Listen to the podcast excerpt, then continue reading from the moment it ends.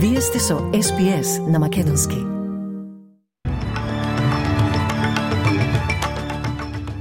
Во денешниот билтен, нивоата на поплавите намалени во Викторија откако десетици домови и деловни објекти беа поплавени. Поранешниот лабористички министер Крейг Емесон е назначен да води национален преглед во секторот за самопослуги во Австралија. И најдобрата македонска тенисерка Лина Ѓорческа не успеа да се пласира на големиот турнир Australian Open во Мелбурн.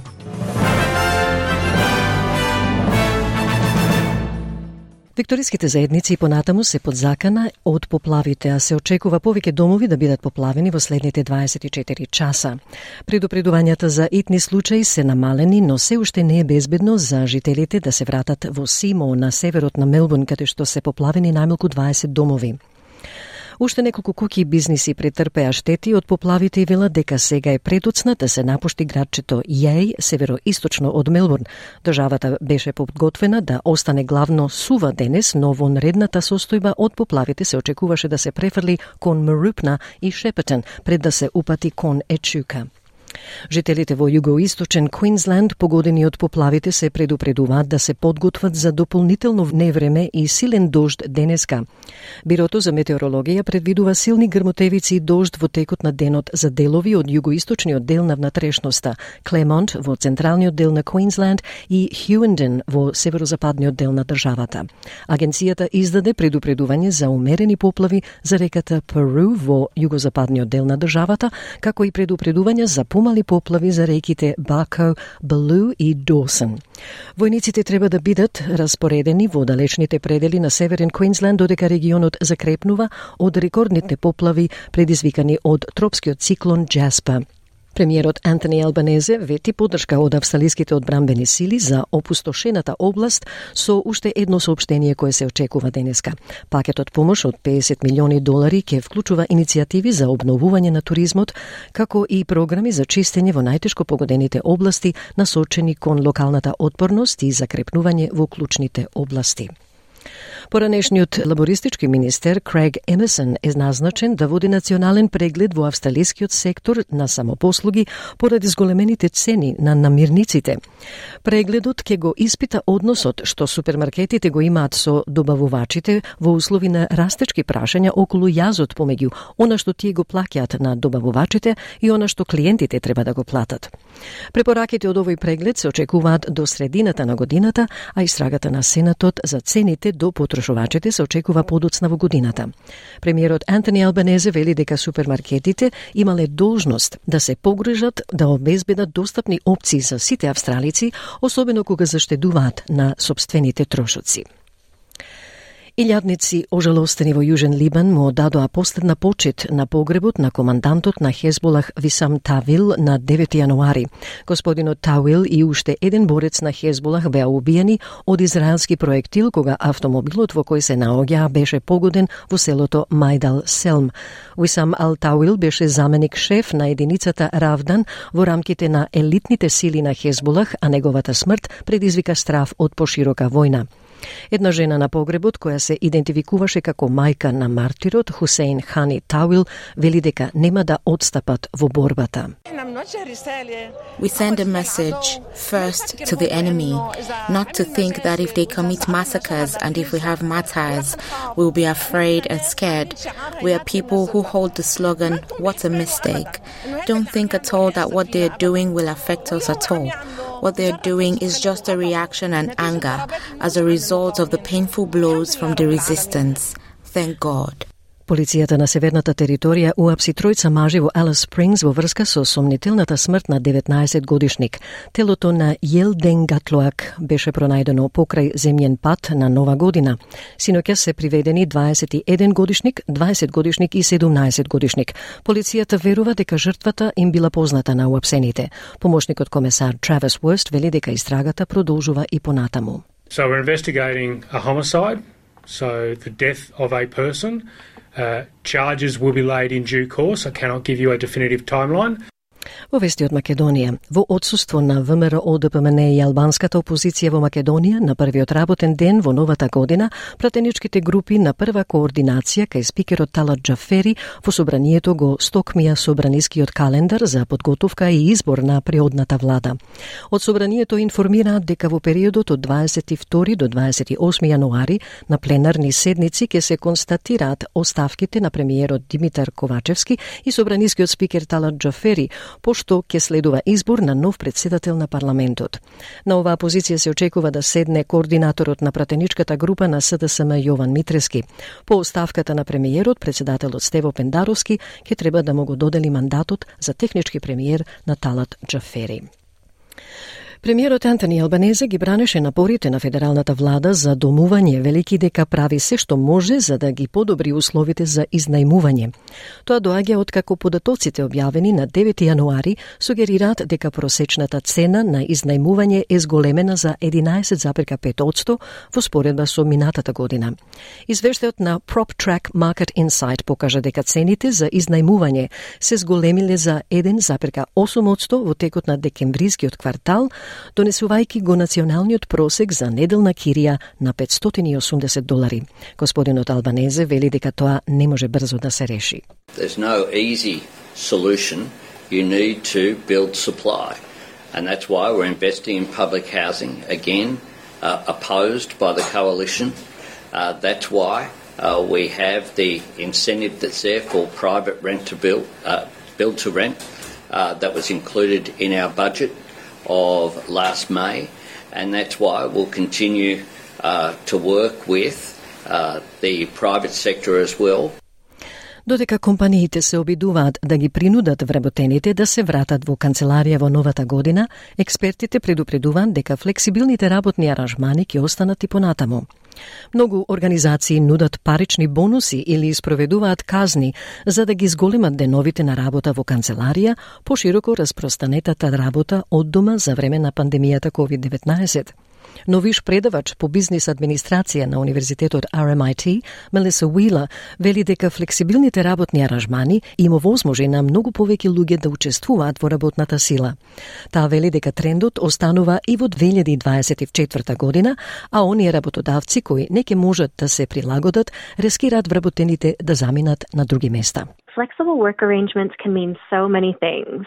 Um, probably the most common thing that people think about is remote working or working from home, but it can also be things like flexi time, compressed schedules, um, job sharing, and many more options. Flexible work, in my opinion, is only limited by the creativity that we are willing to accept what it could look like. Најголемите имиња во технологијата ги откриваат своите најнови изуми на индустриската конференција во Соединетите држави, а вештачката интелигенција е звезда на шоуто.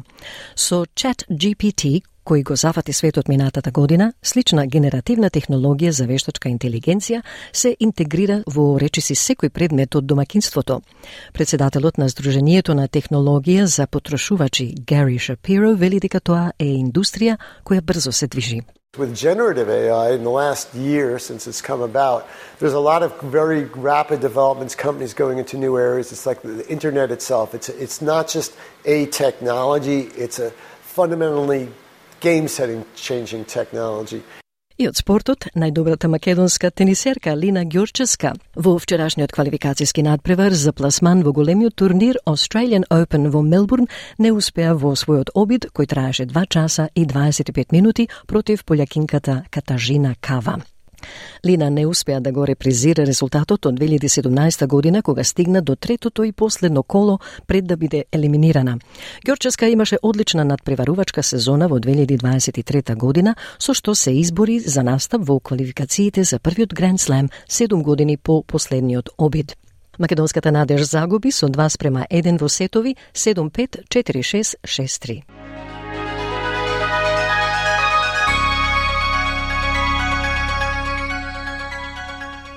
И од најновата курсна листа денеска еден австралиски долар се менува за 0,61 евро, за 0,67 американски долари и за 37,38 македонски денари, додека еден американски долар се менува за 55,75 македонски денари, а еврото за 61,03 македонски денари.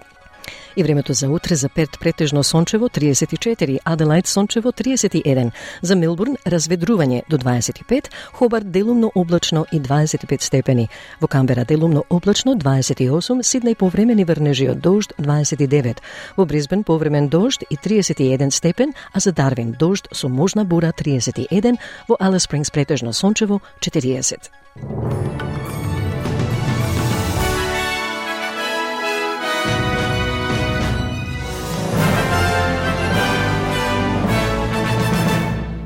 Тоа беа вестите на Извес на Македонски за 10 јануари. Благодарам Маргарита.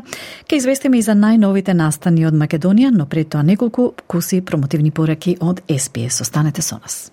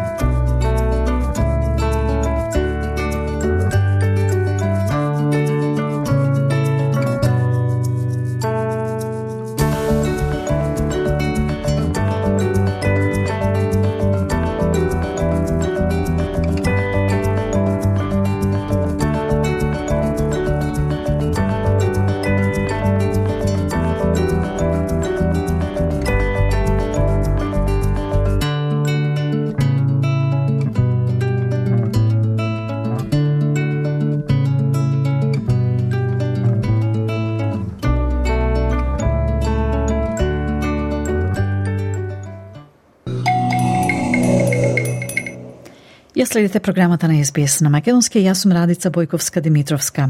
Во извештајот од Македонија, меѓу другото ке слушнеме, по водици ќе се гласаат техничката влада и новиот председател на Собранието. Кривичниот суд денеска ќе одлучува по жалбата на обвинителството за неодредување мерки притвор на четворицата уапсени за упадот во просториите на македонската навигација на 4 јануари. И разрешени државните правобранители на подрачјата на Скопје и Струга. Подетално од нашиот известувач од Македонија, колегата Милче Јовановски.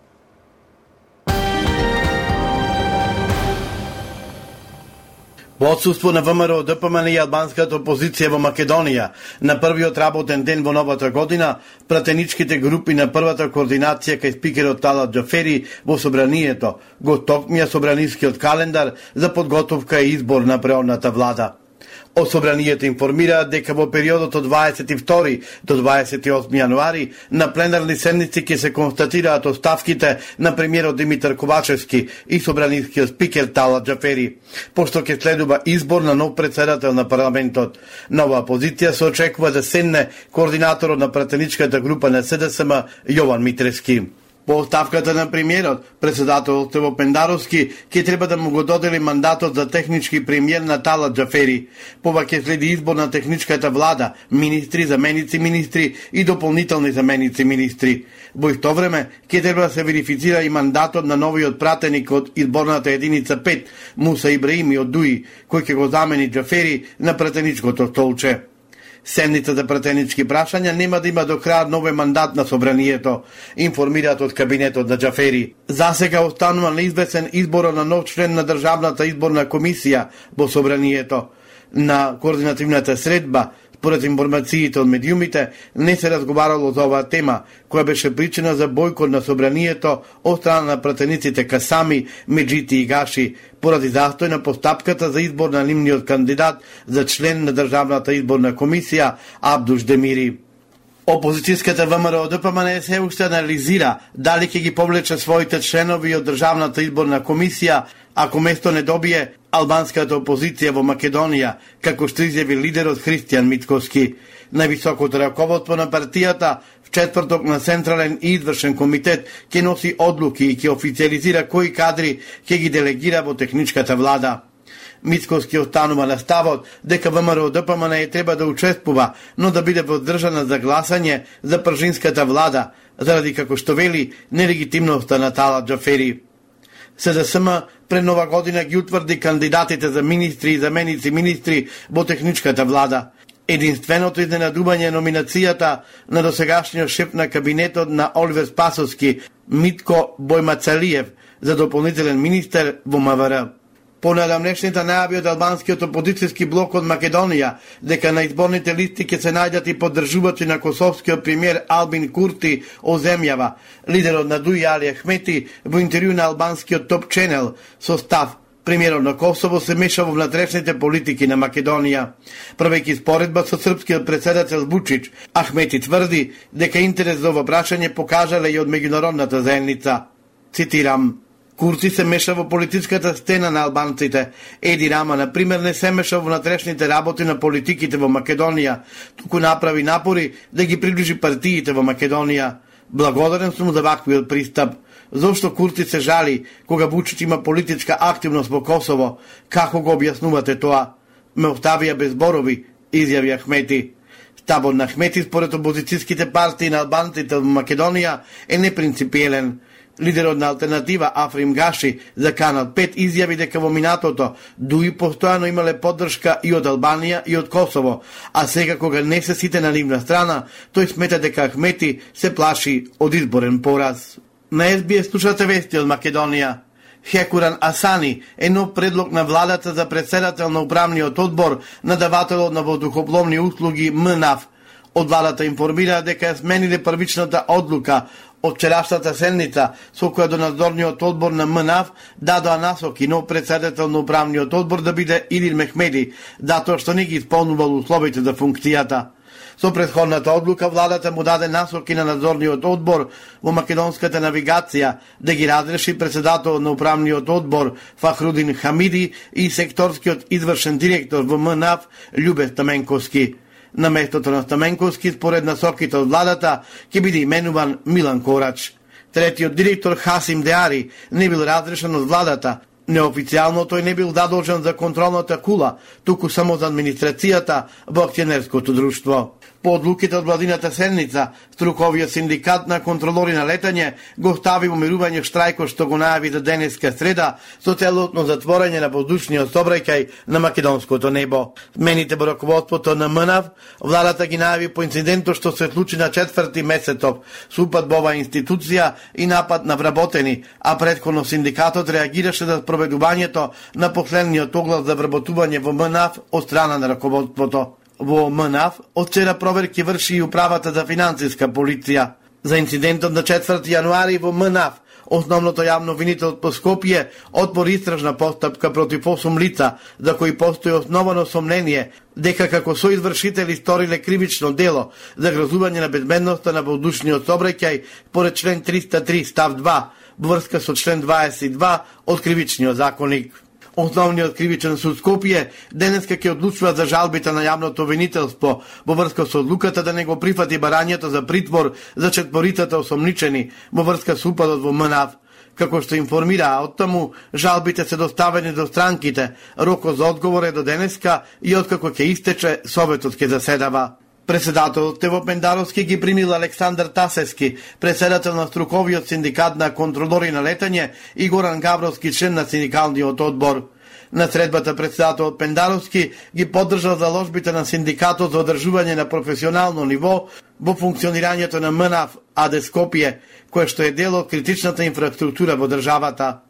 Боба насока председател Пендаровски уште еднаш го осуди насилничкото однесување во МНАФ од страна на вработените во таа институција и други лица кои неовластено влегле во нивните простории и повика на расчистување на случувањата во најкус може рок, имајќи предвид дека станува збор за потенцијално загрозување на безбедноста во меѓународниот авионски сообраќај. Истовремено председател Пендаровски го реафирмираше ставот дека ничи личен или политички интерес не може да биде над правниот поредок и непреченото функционирање на институциите, се вели во сообщението од кабинетот на председателот. Реакциите на опозицијата за случувањата во македонската навигација не престануваат, бараат одговорност на пресна Тулковски ВМРО ДПМН изјави. Законот е јасен и прецизен. Ова не е кошкање меѓу колеги, ова е загрозување на безбедноста на воздушниот сообраќај, квалификација која што постои во законот. Бараме лажниот Европски фронт да ги тргне рацете од правосудството. Случајот мора да има вистинска завршница. Ако не сега, тогаш ќе ја има по изборите.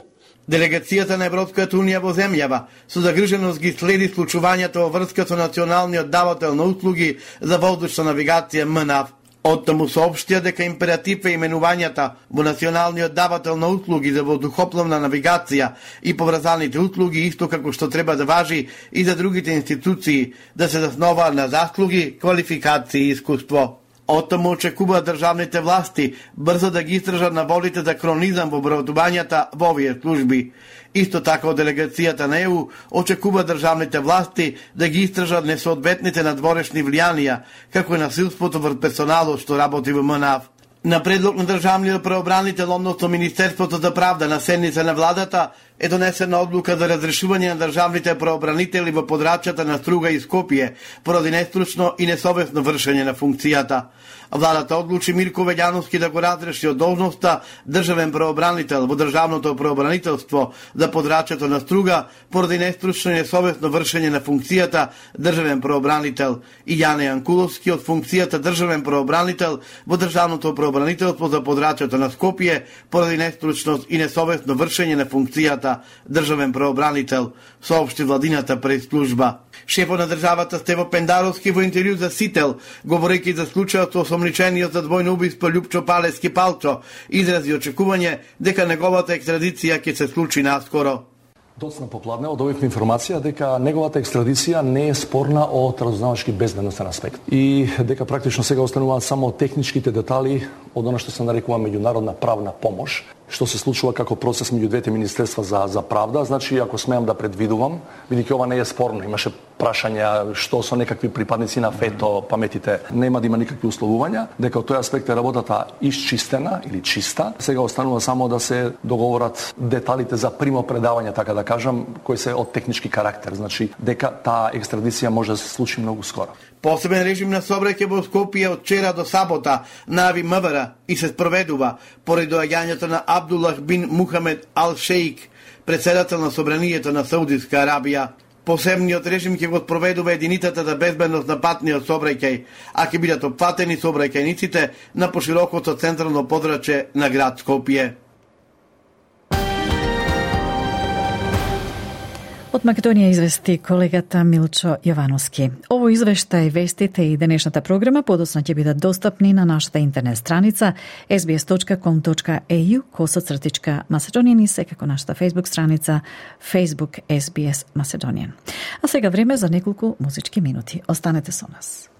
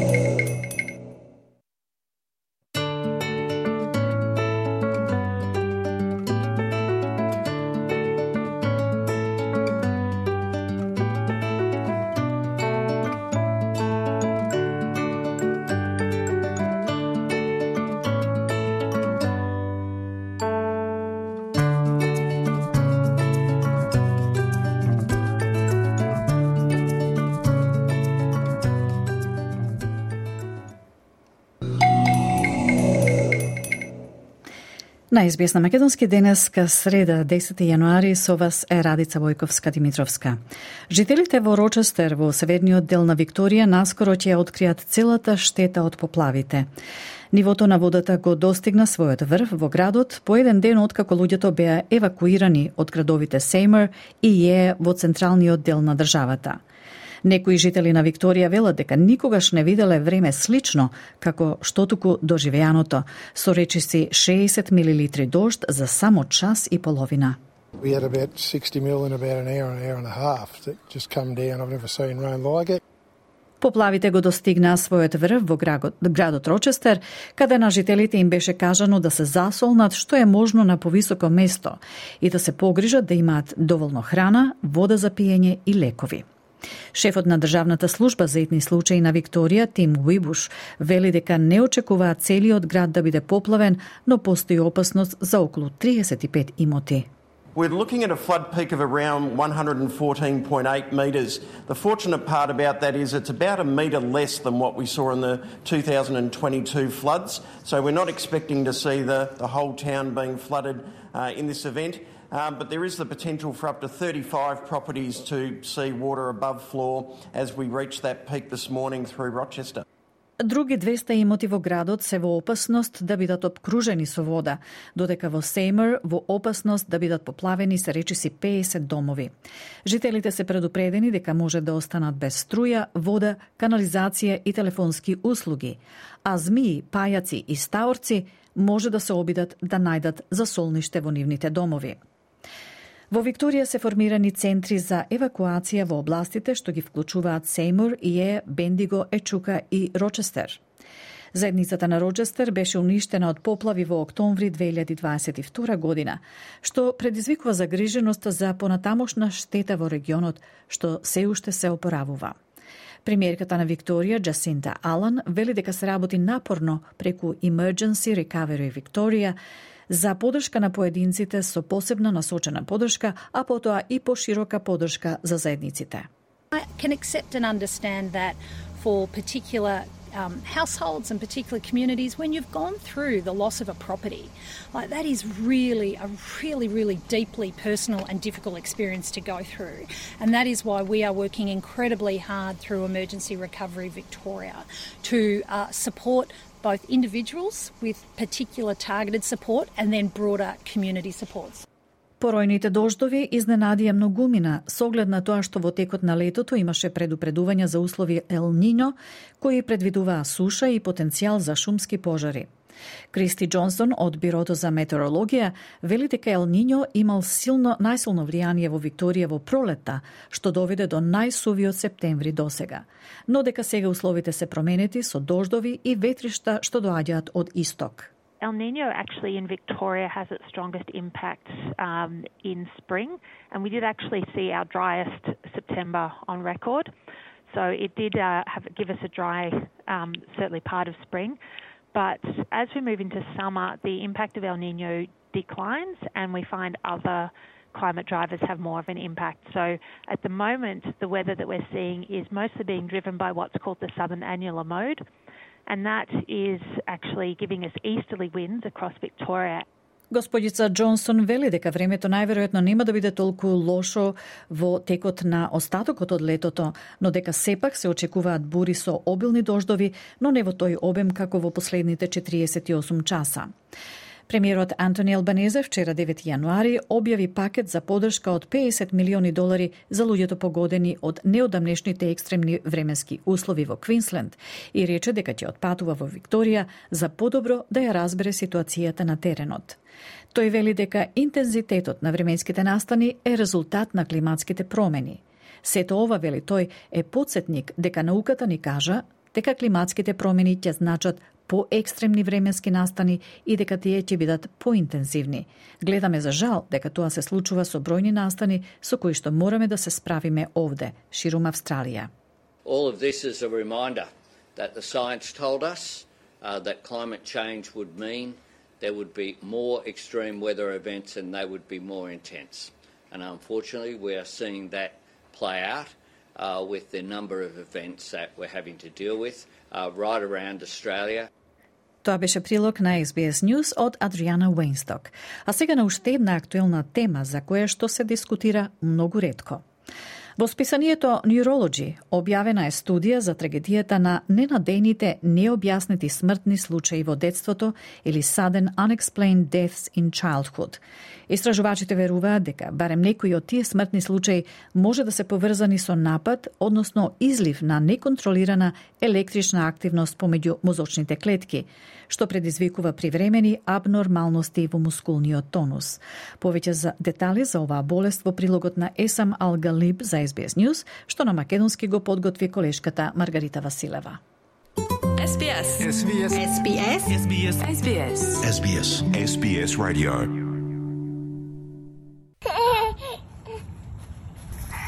kiss. Kiss. Mm, love you. Последното легнување во животот на 17-месечниот Хейден Фел било многу нормално. На видеото од креветчето се гледа како малото дете во пижами си игра срекно, додека неговите родители и сестра пеат песничка со неговиот брат близнак.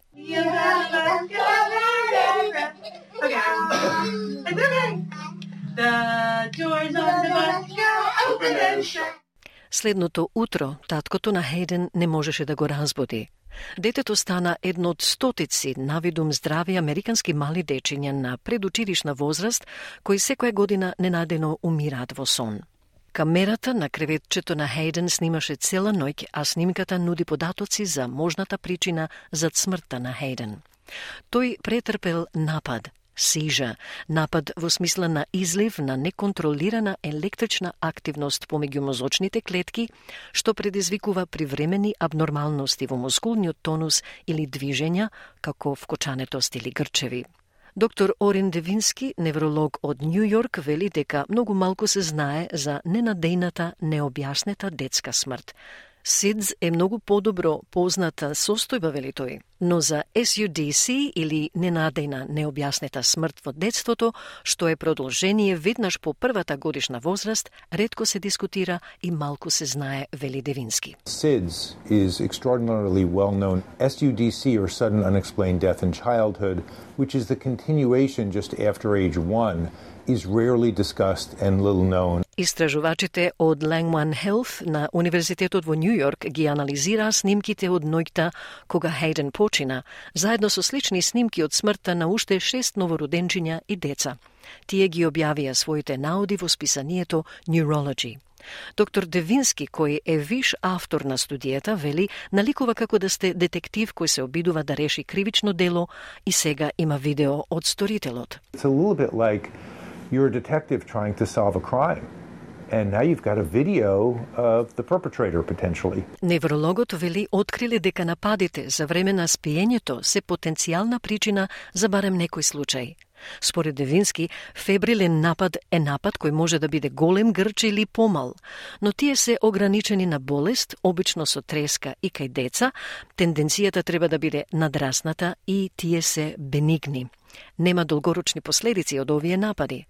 И тоа е случајот за повеќето случаи, но за жал не и за сите. изјави Девински. A febrile seizure is a seizure event which can be a major convulsion or they can be more minor, but they are limited to in illness, typically with fever, and in children the tendency should be outgrown and they're benign.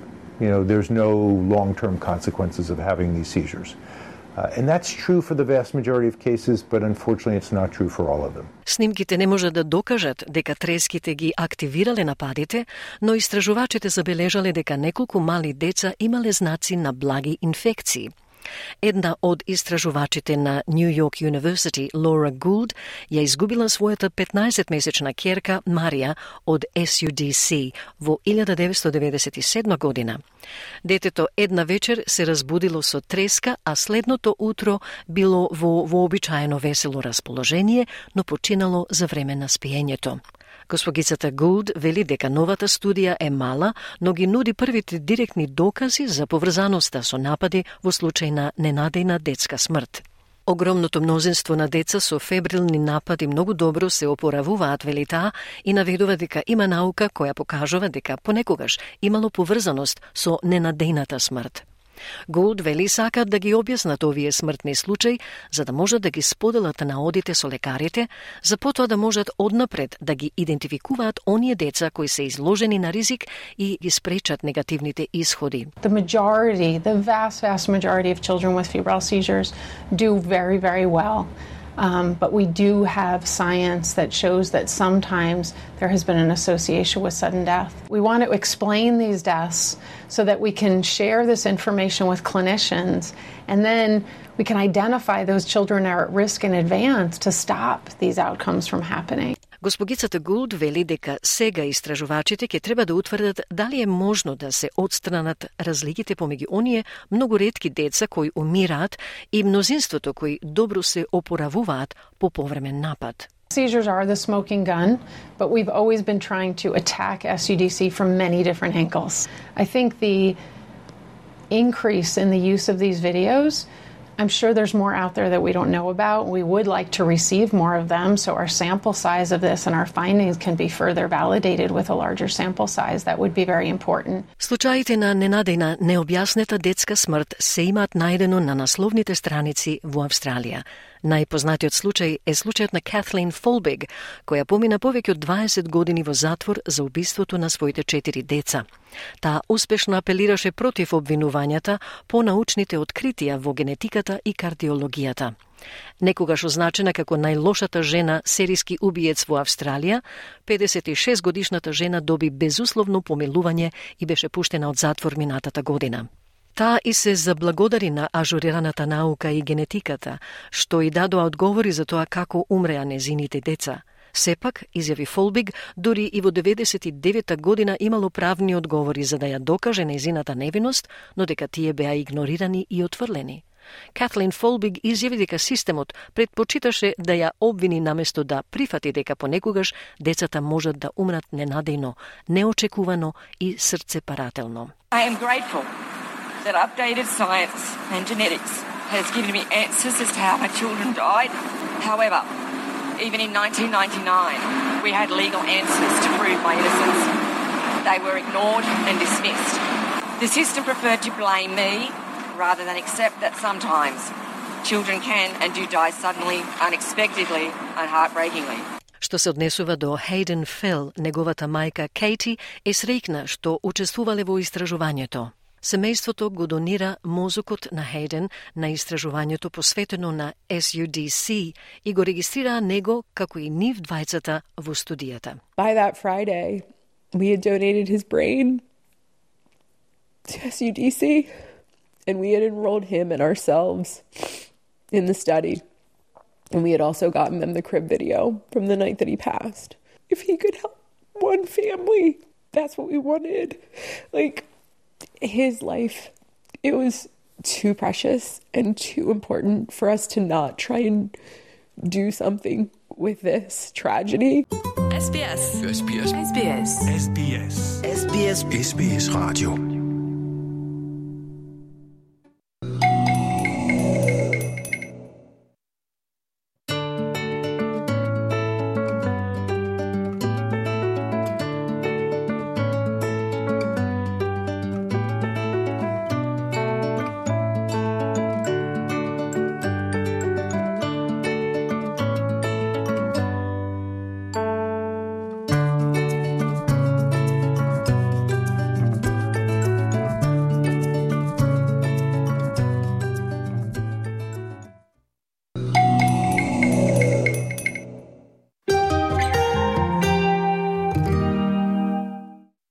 На СБС на Македонски денеска со вас е Радица Бојковска Димитровска.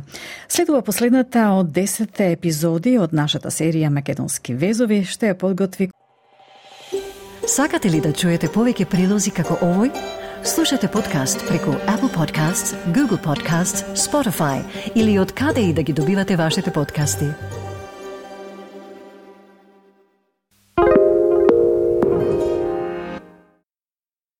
SBS is Australia's most trusted multilingual broadcaster. Our listeners are loyal, highly engaged, and have supported countless local businesses. We offer advertising packages for businesses of all sizes. Our experienced sales team will guide you through the process of owning a great campaign. Bring your own ad or have our production team make you something in one of our 68 languages. Start the conversation with your new audience today. Email sales at sbs.com.au.